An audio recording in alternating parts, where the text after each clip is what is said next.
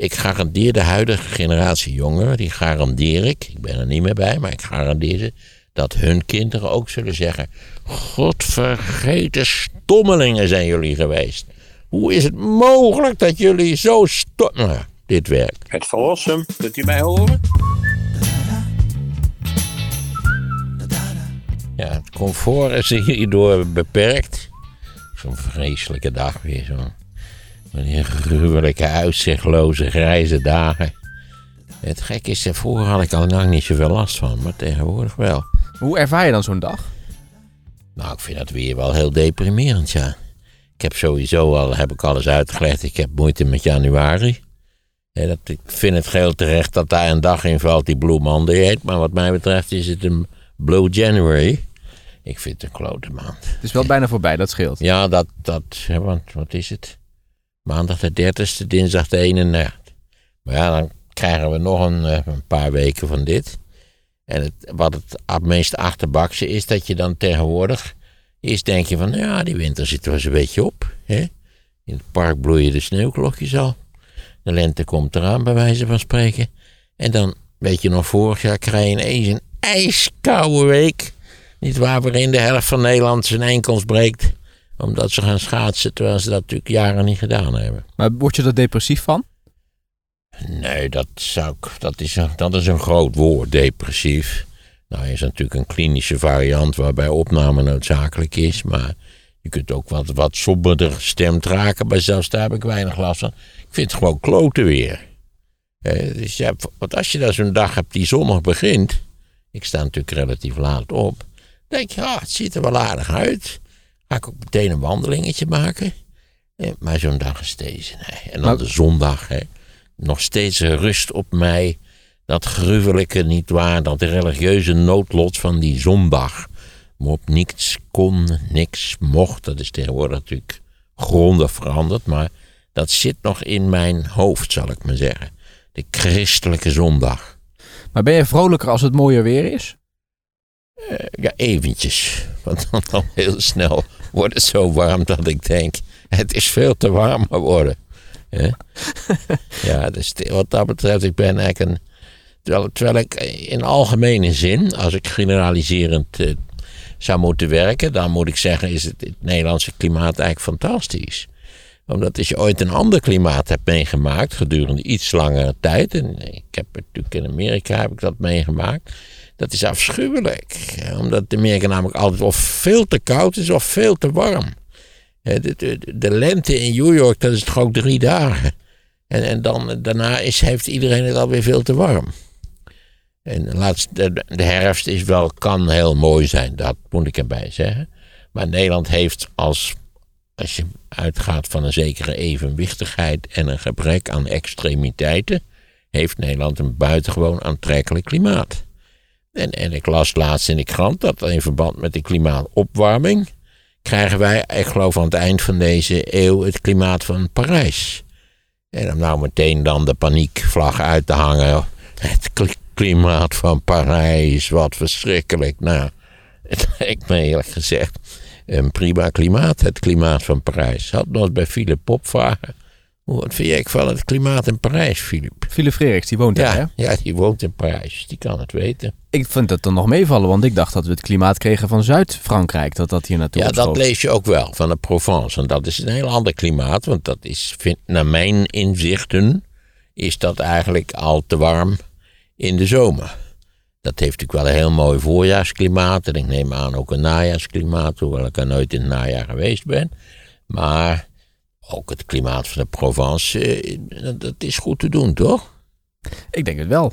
Maar het kan natuurlijk wel eh, misschien net wat te warm weer worden voor jou. Ja, het probleem is dat in die landen waar het nu eigenlijk al te warm is, een nog veel warmer klimaat krijgen. Het, het- de extremen worden aangescherpt, als het ware. Hm? Maar goed, ik zal er niet bij zijn, dus wie weet hoe het afloopt. Jij misschien nog wel een, Nou, net. een introotje. Hè? Ja. Mijn kleinkinderen, die natuurlijk ook in verband met de voortdurend stijgende levensverwachting, eh, in principe ook allemaal statistisch natuurlijk, heel oud zouden kunnen worden, die gaan wel. Ja, ik zit even te denken. Die zouden zeker als, als zeker op statistische basis, je weet natuurlijk nooit wat er in, in de individuele levens gebeurt, zouden die zonder al te grote moeite het eind van de eeuw moeten halen. Zijn jouw kinderen, kleinkinderen bezig met het klimaat? Nou, ik heb het nooit met ze aangesneden. Ik neem aan dat ze goed weten dat dat zo is. Want ja, het is, is niet te ontlopen kennis, om het maar even zo te, zo te noemen. Maar of, het ze nou, of ze nou s'nachts wakker worden en denken: grote god, nog aan toe. Het klimaat van Parijs, of misschien wel van de Provence. Nee, dat zal wel niet het geval zijn. Maar ze zeggen nooit tegen jou, opa, jij hebt het verpest Nee. voor ons. Je zou eigenlijk mensen die. die nee, dat, dat hebben ze tot nu toe nooit gezegd. Al heb ik wel eens in, in, was ik wel eens in discussie met iemand die beweerde dat mijn generatie de planeet verkloot had. Eh, ja, wat moet je daarvan zeggen? Ik werd wel verrijkt en nijdig, dat moet ik wel zeggen. Eh, zo'n eigenwijze, ja, zal ik zeggen, zo'n eigenwijze dertiger. Ik ben opgestapt en vertrokken. Ik was echt verrijkt pisser over dit soort van Hé, hey, boomer, hou je mond. Dit, dit, dit soort van flauwekul. En waar was Hè? dat? Waar heeft, vond dat plaats? Ja, dat was tijdens een dubbel interview. Ja, waar was het voor? Dat weet ik niet meer. Het was een, eh, Nathalie Huigsloot nam het interview af. En in het algemeen ben ik vrij gelijkmoedig met dit, de arrogantie van deze figuur. Ik ben ook ongelukkigerwijs Freudiaans zijn naam vergeten. Die was wel aan de zodanige aard dat ik dacht... flikker nou, hou een hand op. Dan ga ik niet naar zitten luisteren naar dit soort van algemene en onhistorische onzin. Wat, wat nam die je kwalijk? Nou, alles. Ik was eh, min of meer een van de mede-hoofdverantwoordelijken voor het bederven van de planeet. Eh, ja, zullen we daarvan zeggen? Eh, jede epoche is onmittelbaar zu God, zo Ranke zei. Het, het, is, het heeft allemaal te maken met een, met een veel breder verschijnsel, namelijk het enorm gemakzuchtige veroordelen van het verleden. Ik had natuurlijk het liefste gezien, ik wou zeggen, neem me niet kwalijk. Ja, ik, wij wisten het niet. En wij boomers hebben er maar een potje van gemaakt. En genoten en door de straten gedanst. en gedronken, gezopen, eh, middelen gebruikt, dure auto. Nou ja, dat werk. Wat natuurlijk in allerlei opzichten volstrekte onzin is. Eh, voor heel veel mensen van mijn generatie is het leven, zeker in de jaren 40, 50 en 60, was nog hard werken onder, soms moeilijke omstandigheden, maar afgezien daarvan. Ik wil er ook wel nader bij zeggen dat ook over boomers heel slordig gesproken wordt. Dat is een vrij specifieke generatie. En die is geboren na 46, of vanaf 46. En die enorme eh, groei van de Nederlandse bevolking, hè, zegt maar van de autochtone bevolking, die houdt op eh, eind jaren 60. Dus er zijn ook mensen die, dat, die zeggen de boomgeneratie, dat is maar een jaar of tien. Maar ik vind het redelijk eigenlijk om er een jaar of twintig van te maken. Waar we nu overigens enorm veel last van hebben. Omdat natuurlijk al die boomers nu met, met eh, pensioen aan het gaan zijn. En het gekke is, dit is een zaak. Kijk, de extra. Ja, ik, ik let even op de extra in verband met de vogeltelling. Je kunt alle vogeltellers die naar deze podcast luisteren. Kijkt u even naar de vogeltelling en kunt het zo opzoeken. U moet een half uurtje in uw tuin kijken. En dan even registreren wat u in uw tuin ziet. Het kan zijn, ik heb bijvoorbeeld een vrij vogelrijke straat. Maar ik heb in de vorige jaren, moet ik zeggen, een half uur naar buiten gekeken. En een van de jaren zag ik geen enkele vogel. Hè? Maar jij bent toch Alsof, die, alsof die vogels dachten van ja, we gaan niet voor ons om geen lolletje, we blijven gewoon even weg. Gaan even aan de overkant zitten. Maar jij doet hier toch niet serieus aan mee aan die vogeltelling? Jazeker. Echt waar? Ja, Ik vind je helemaal geen figuur om daar mee te doen. waarom niet? Er doen meer dan honderdduizend mensen aan mee. Ja, maar ik vind Tussen je de meer... Je zit meer in de boeken. Maar dat let, ik let nog wel op de vogels. Als ik, als ik een boomkruiper of een boomklever of, eh, in, in de boom zie, dat vind ik leuk. Dan zet je een Nee. vinkje of ergens een streepje. Eh, nou ja, als ik, als ik bezig zou zijn met de telling, want je moet, je moet een half uur tellen. En dan mag je niks anders doen. Nou, je mag ongetwijfeld in je neus peuteren, maar de bedoeling is niet dat je, dat je ondertussen naar de televisie gaat zitten kijken. Want dan zie je die vogels per slot van rekening niet. Dus je moet wel even opletten of je vogels ziet in dat halve uur. En dat heb je nu gedaan. Nog dit, niet, ik ga het nog doen. Dit weekend. Ja, ik wacht op de late middagvogels. Oké. En dan moet je dat ook opsturen naar een instantie. Ja, je, dat, je typt gewoon in vogeltelling en dan krijg je automatisch een formuliertje waarmee je dat kunt versturen. Hm. Oké. Ik geloof dat er vorig jaar eh, tegen de 200.000 vogeltellers waren. Waardoor de, dan heb je ruim voldoende tellers om een, heel aardig statistisch overzicht te hebben van, nou ja, laten we zeggen, algemene standvogels in Nederlandse tuinen en parken. Hm. Maar je had het over de boomers. We hadden het over de boomers. Sorry dat ik, ja, ik weet die, die extra. Dan hoop ik die extra straks over, ook even in de boom gaat zitten, zodat ik hem ook bij het tellen kan zien. Eh, de boomers, ja. Ehm, ik vind die eh, verwijten raar en onzinnig. Eh, bovendien bestaat de wereld in feite niet uit generaties, maar de boomers is wel een zichtbare, een statistisch zichtbare groep. Dat is wel zo. Dat die lui op, en dat, dat die afname is al van de late jaren 60. Dus die wonderlijke klont die er eigenlijk in onze demografische ontwikkeling zit, eh, die voorspelde automatisch dat die mensen op een goed moment met pensioen zouden gaan. 65, dat hebben we al iets opgerekt. 67 en drie maanden is het nu of zoiets dergelijks. En is daar nou op geanticipeerd door de overheid? Die, dat, als je nou iets kunt aanzien komen, is het demografische ontwikkeling. Is daarop geanticipeerd? Nee. Hè?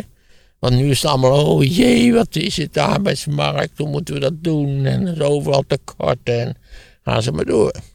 Want nog niet zo heel lang geleden hebben we allerlei mensen met pensioen laten gaan op een relatief hele jonge leeftijd. Die moesten er allemaal ineens uit in verband met, de, met, met sociaal-economische problemen. Hm. Maar jij kunt wel, ze kunnen natuurlijk wel zeggen, jij als professor had toen al moeten weten in die jaren dat er iets met het klimaat aan de hand was. Juist jij als wetenschappelijk Zeker, onderzoeker. zeker, zeker. Had je daar niet naar kunnen handelen? Wat had ik daar precies aan moeten doen als hoogleraar? Trouwens, ik was bijzonder hoogleraar, wat weer heel wat anders is, maar daar hoef ik het nu verder niet over te hebben. Wat had ik daar moet, aan moeten doen als ik vragen mag? Nou, misschien een club om je heen verzamelen om wat impact eh, te creëren. Nou, we hadden laatst om dat te doen. Dat is, dat is aan mensen die zich daar ook wetenschappelijk mee bezig hebben gehouden natuurlijk. En dat is ook wel gebeurd ook. Dat er trage besluitvorming heeft plaatsgevonden ligt in het algemeen niet aan de mensen die er verstand van hadden, maar ligt aan de politiek. Niet waar? Als, nou, de, als je nou een heel kort kernwoord zou moeten gebruiken van over de Nederlandse politiek, dan zou je toch moeten zeggen: wat is de kern van het Nederlandse politieke bedrijf? Dat is het uitstellen van besluiten die een beetje moeilijk liggen. Neem stikstof. Is dat, is dat eh, een totaal nieuwe ontdekking? Dat we helemaal niet wisten dat daar sprake van was. Maximale uitstoot. Nee, natuurlijk, dat was in de jaren zeventig al een probleem. Hebben we er iets aan gedaan? Nee. Ja, de bekende geitenpaadjes. Als we nou een beetje zus doen, een beetje zo doen. En kijk gewoon een tijdje de andere kant op. En aan de overkant dan, dan valt het allemaal enorm mee. Hè? Want ja, god, je ruikt het niet, je voelt het niet, stikstof. Ja, nee, er is dus geen bal aan gedaan. Maar dat het probleem is, is al heel lang bekend. Het ligt aan besluitvormende instanties en uiteindelijk dus, sorry dat ik het zeggen moet, aan alle kiezers, dat ze daar niks aan gedaan hebben. Maar leg je niet te Want de veel macht bij de besluitvormende instanties, die zijn die geneigd tot die uitstelprocedures, eh, omdat ze wel weten dat veel van die besluiten slecht zullen vallen electoraal. Ja. Dus wat doe je? Je stelt dingen uit. De individuele mens werkt ongeveer op dezelfde manier. Dingen die je Mhm. vervelend vindt, die stel je uit. ja, maar je legt nu alle macht bij de bestuurders die ze natuurlijk ook hebben. Maar ze kunnen Nee, niet ik alles leg doen. de macht niet bij de bestuurders. Ik leg in feite het probleem bij het geheel van de samenleving. Maar je kunt de wetenschappers zeker niet verwijten dat ze het niet erover gehad hebben. Iedereen heeft, in de tijd dat, dat, ik heb het nog in de kast staan, dat boekje van de Club van Rome. Van die voorspellingen bleek een groot deel volstrekt onjuist te zijn en nogal aan de paniekerige kant. Maar dat het probleem er was, dat is al lang en breed bekend. Het, het is onzin om een samenleving iets te verwijten. Het is ook niet specifiek Nederlands. Het is niet zo dat als je naar België kijkt, denk je, tjo, die hebben al sinds, sinds de jaren tachtig hebben die een, een fantastisch beleid gevoerd. Het staat vol met windmolens, eh, zonnepanelen. Trouwens, die neem die zonnepanelen. Kon je die 20, 30 jaar geleden waren die dingen peperduur en niet bijzonder, efficiënt. Nu is daar, heeft zich daar een doorbraak voor gedaan.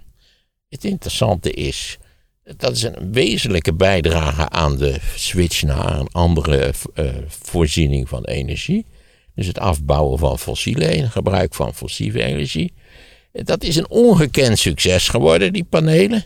2 miljoen Nederlanders hebben van die dingen.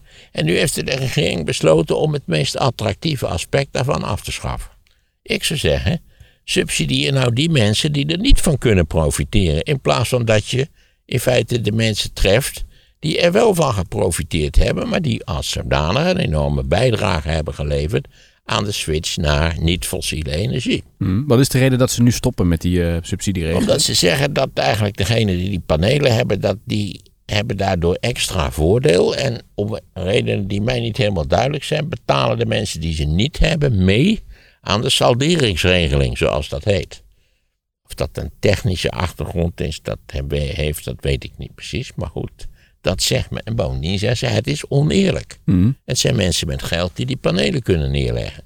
Eh, Of mensen die in grote flats wonen, die zitten ook met een probleem. Of, eh, hè, ik weet niet, heb jij, jij woont in een appartement. We hebben zonnepanelen op het Nou dak. kijk, dus daar, daar is, de, daar is dat, dat is heel goed mogelijk, kennelijk. Daar zijn dus voorzieningen getroffen. Dus ik vind dit eigenlijk een vrij onverstandige maatregel. Het probleem is dat de overheid steeds subsidieert in een soort aanvangsfase. En dan, eh, als het dan goed werkt, of is het in die aanvangsfase zijn het meestal mensen met geld die kunnen profiteren van dit soort van zaken.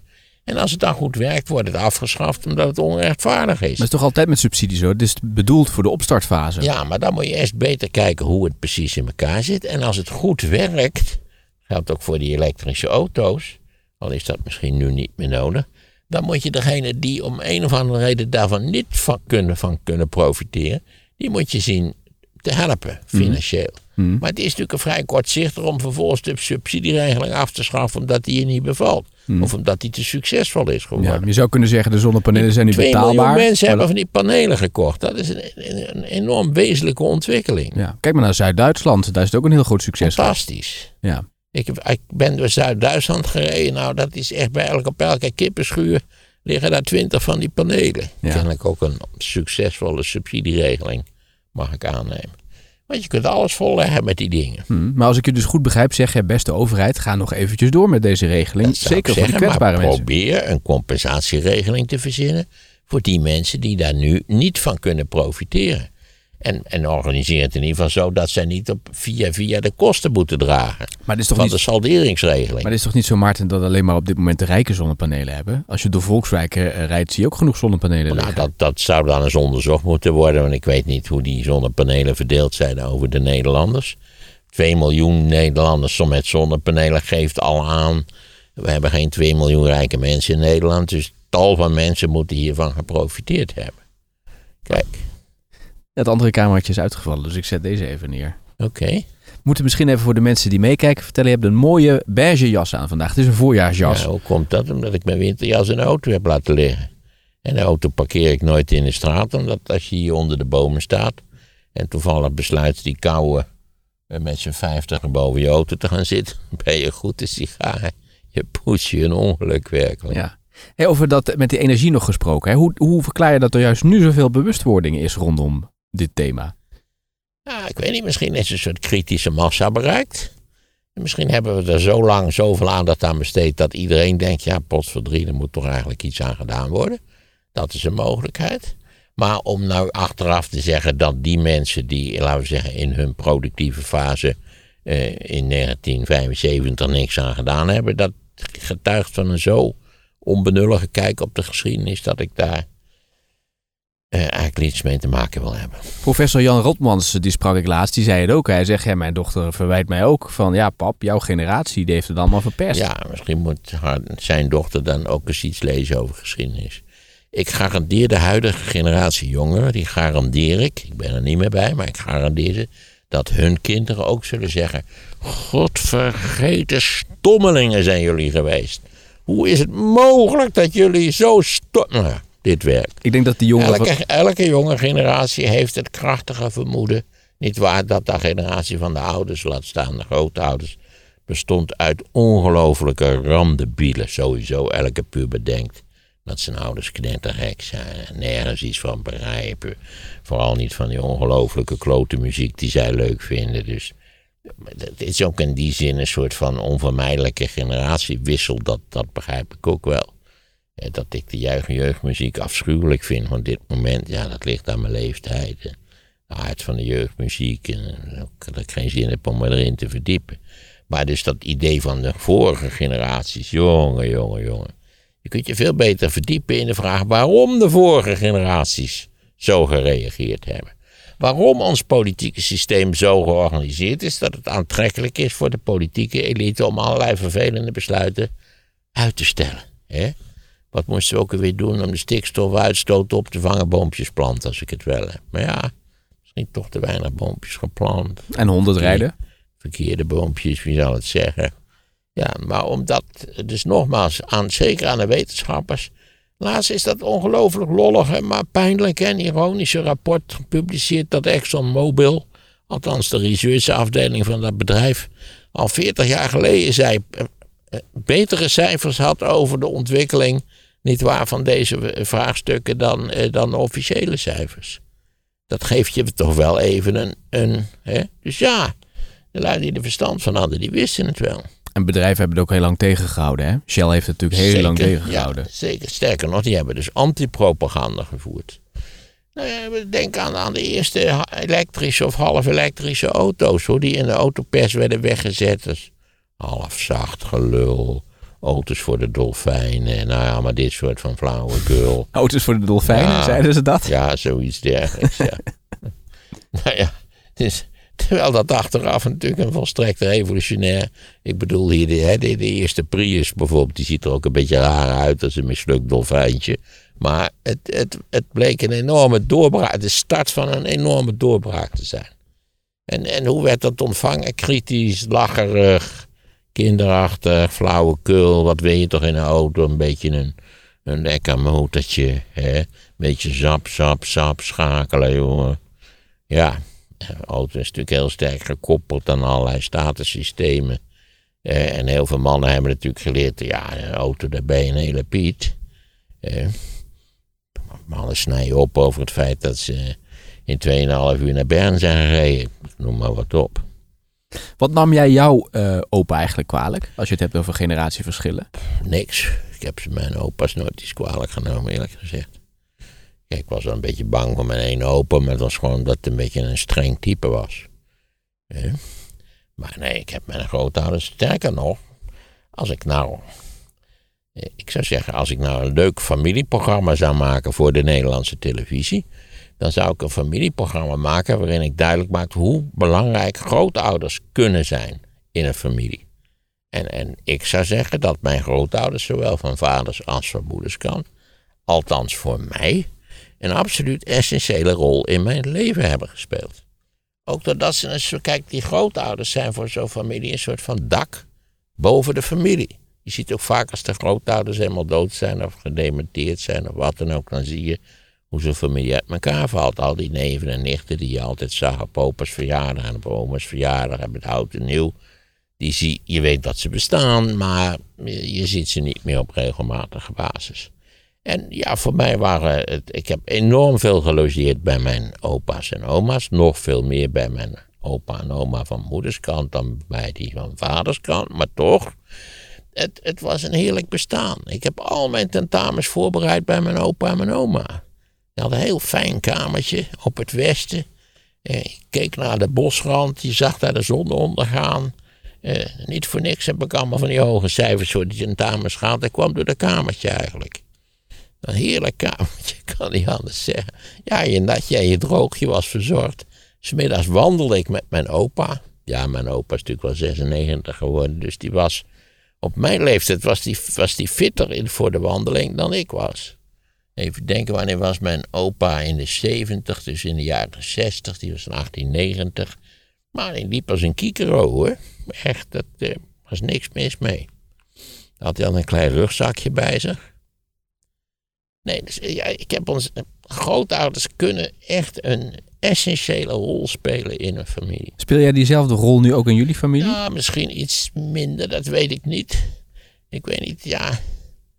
Maar ik zit even te. Ja, mijn kinderen hebben toch ook wel weer met enige regelmaat bij mijn moeder gelogeerd. Ja, mijn ouders zijn natuurlijk gescheiden, dus dat lag allemaal weer even iets ingewikkelder. Dat betreft doe je de verstanden aan om niet te veel te gaan scheiden. Uh, ik kan niet anders getuigen dan dat mijn. Hebben we de extra weer. Dus dezelfde, denk ik, hè? Je mag hem niet twee keer tellen, toch? zien dat hij dat dezelfde is? Nee, ja, ik vermoed het. Maar het, is, het is mijn theorie is dat het een echtpaar is. ah, dat zou ook nog kunnen, Ik ja. zie het echtpaar altijd bezig in die boom die natuurlijk precies daar... Hè? Je ziet bij mij net de achterkant van de computer. Die, die boom, daar zie ik ze altijd bezig. Het zijn enorm intelligente vogels. Ze hebben eigenlijk alle kraaien achter. Ze zijn eigenlijk heel intelligente vogels. Dus ja, in Hilversum maken ze een lollig programma over grootouders. Echt heel erg belangrijk, grootouders. En eh, waar we het nu over hebben... Grootouders geven een familie structuur. Ja, ja, en het is natuurlijk ook belangrijk dat je niet te veel tegenstellingen krijgt tussen die generaties. Daar heeft Sieren natuurlijk nu die eh, polarisatiecampagne voor gestart. Het helpt natuurlijk ook niet de zaak als we alleen maar tegenover elkaar staan en elkaar verwijten maken als generaties. Ook op een nul, bovendien generaties bestaan niet. Dus dat is allemaal kletskoek. Ja, dat heb, laatst had ik een Gen Z-expert, eh, sprak ik. Dus dat is de nieuwste generatie die nu op de arbeidsmarkt komt. Dus daarmee geboren En wat, tussen... wat, waar is die expert in dan? Ja, in, in de generatie Z. Dus dat zijn mensen geboren tussen... Oh, hij is e- expert in zijn eigen generatie. Nee, hij was veel ouder. Oh, dat nog. Maar hij was expert in een jongere generatie, Gen Z. En dat is tussen 1997 en 2010, als ik me niet vergis. Ben je geboren. Ja, aan, de, aan de jaartallen hoor je al dat het een volstrekt willekeurige onzin is natuurlijk. Kijk, kijk, generaties worden niet in een soort groepen geboren. Generaties zijn in een complex dakpannensysteem. Hmm. Die liggen allemaal net een klein beetje over elkaar heen. Ja, hij noemde toen ook, ik ben de naam even kwijt, van de man die dus die generaties heeft bedacht. Wat nu... Ja, er is een bekende socioloog, ook een bekende Nederlandse socioloog, Becker of zo. Die ook zo'n van die generatieboeken heeft geschreven. Maar dat is naar mijn idee niet vol te houden, Nee. die onzin. Ik kreeg ook veel negatieve reacties van mensen die zeiden, wat een onzin, die verschillende generaties. Je Dat hebt bestaat niet. Van die, ja, je hebt toch ook van die trendwatchers en zo. Ja. Je, komt, je komt natuurlijk bij de media kom je met alles weg. En daar komt dat de media geen geheugen hebben. En altijd een beetje paniekerig in de werkelijkheid Ja. geïnteresseerd Oh, zijn. dat is grappig. Nu, ik bedenk nu hoe die, hoe die man heette, die expert. Dat was Martijn van Rossum met een U. Dus niet een Oh, E. Maar ik ik vroeg scheelt. ben je familie van? Maar dat was natuurlijk niet zo, want hij je schrijft het anders. Nou, kijk, het, het, het- ik, we hebben zo'n ingewikkelde familiereunie gehad, lang geleden. Waar ook wel verrossers met een U waren.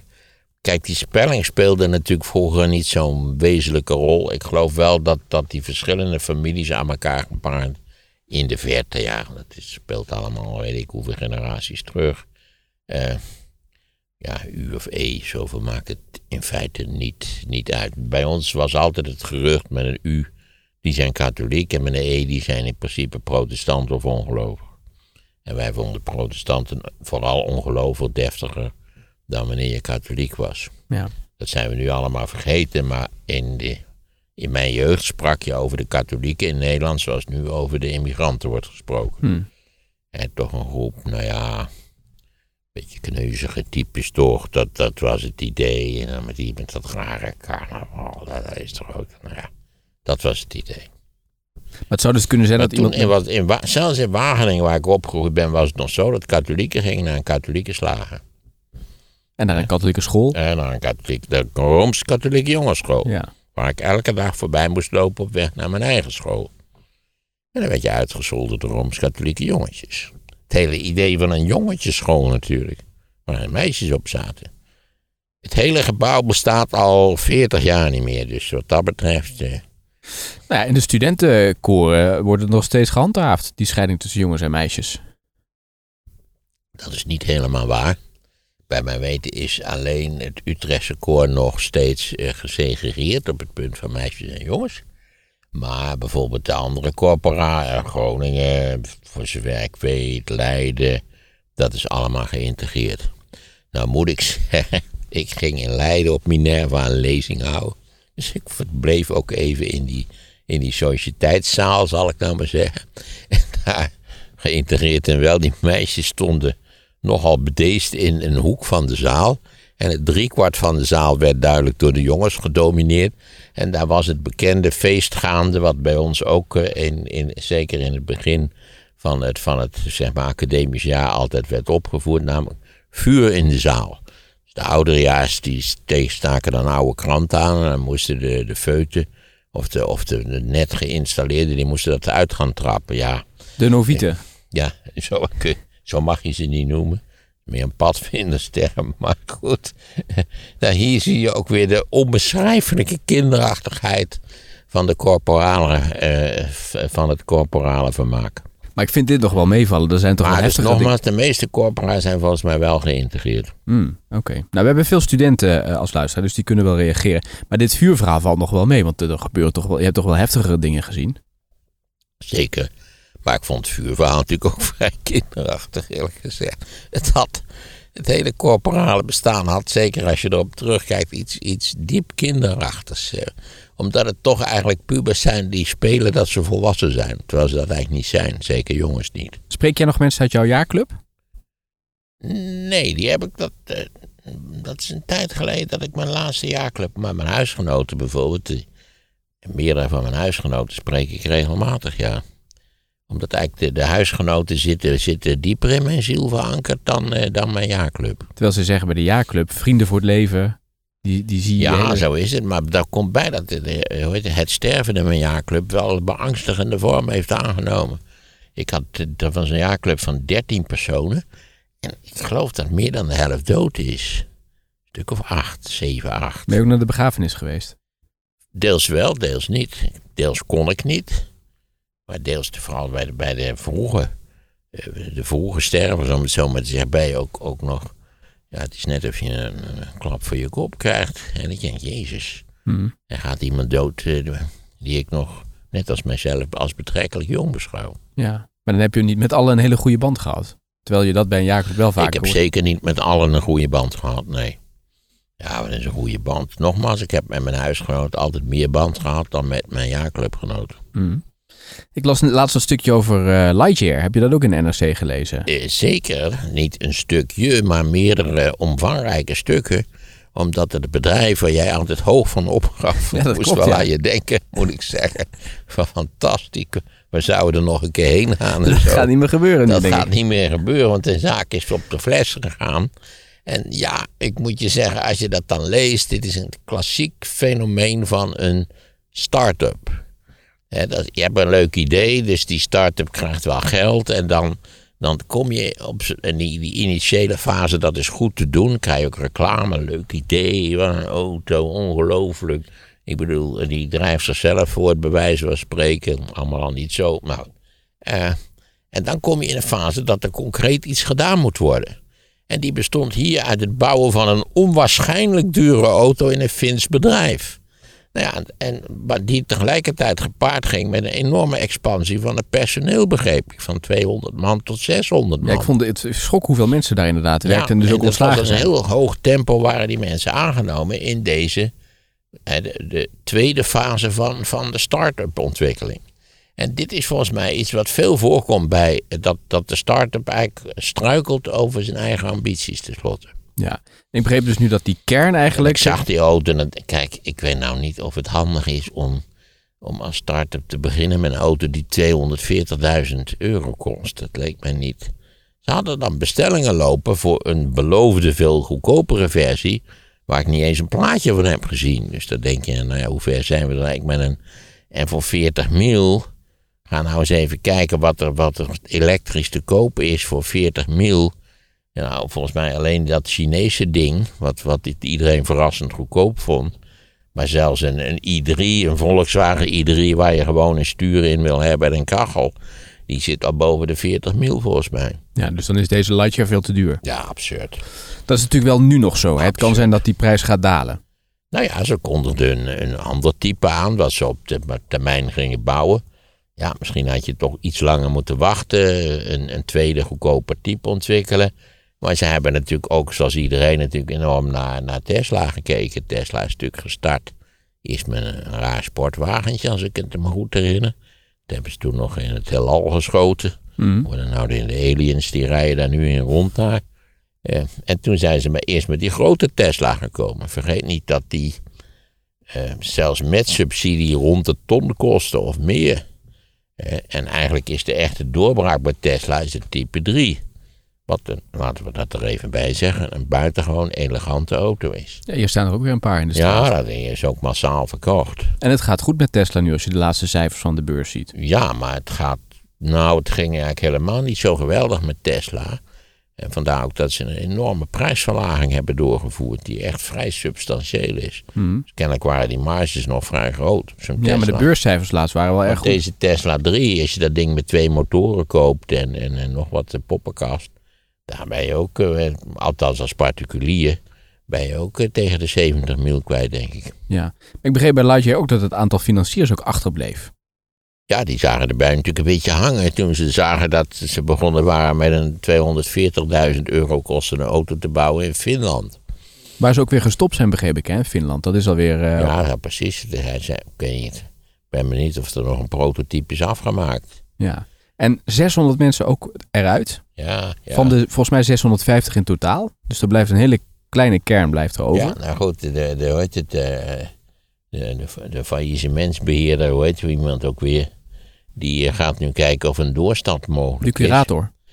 Ja, de curator gaat kijken of een doorstart mogelijk is. En misschien zijn die ideeën op basis waarvan aanvankelijk kennelijk een vrij ruime financiering voorhanden was, van een zodanige aard dat een andere producent er wel in geïnteresseerd is.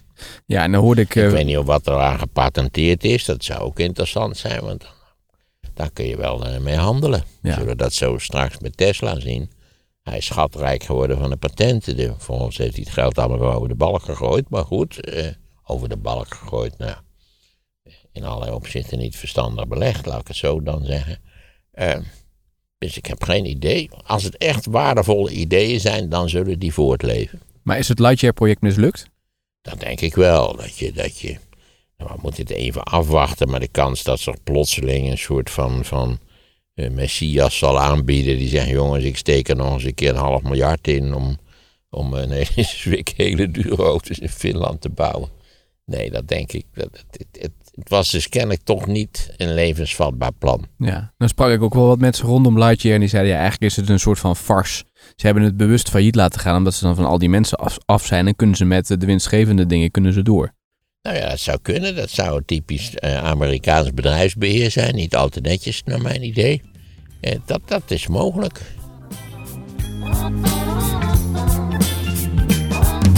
Godvergeten stommelingen zijn jullie geweest.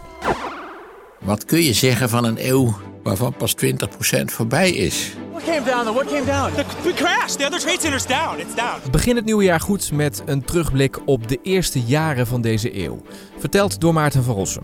Veel mensen zeggen, nou dat kan helemaal niet. Je moet gewoon wachten tot de eeuw afgelopen is. Maar dat is wel erg lang. En bovendien ben ik er dan niet meer om mijn gedachten erover te laten gaan. Het luisterboek download je nu via de link in de show notes.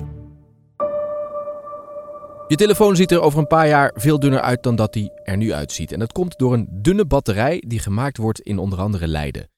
Luister naar het gesprek met Leiden Jar daarover in de podcast Sea Level. De link staat in de show notes.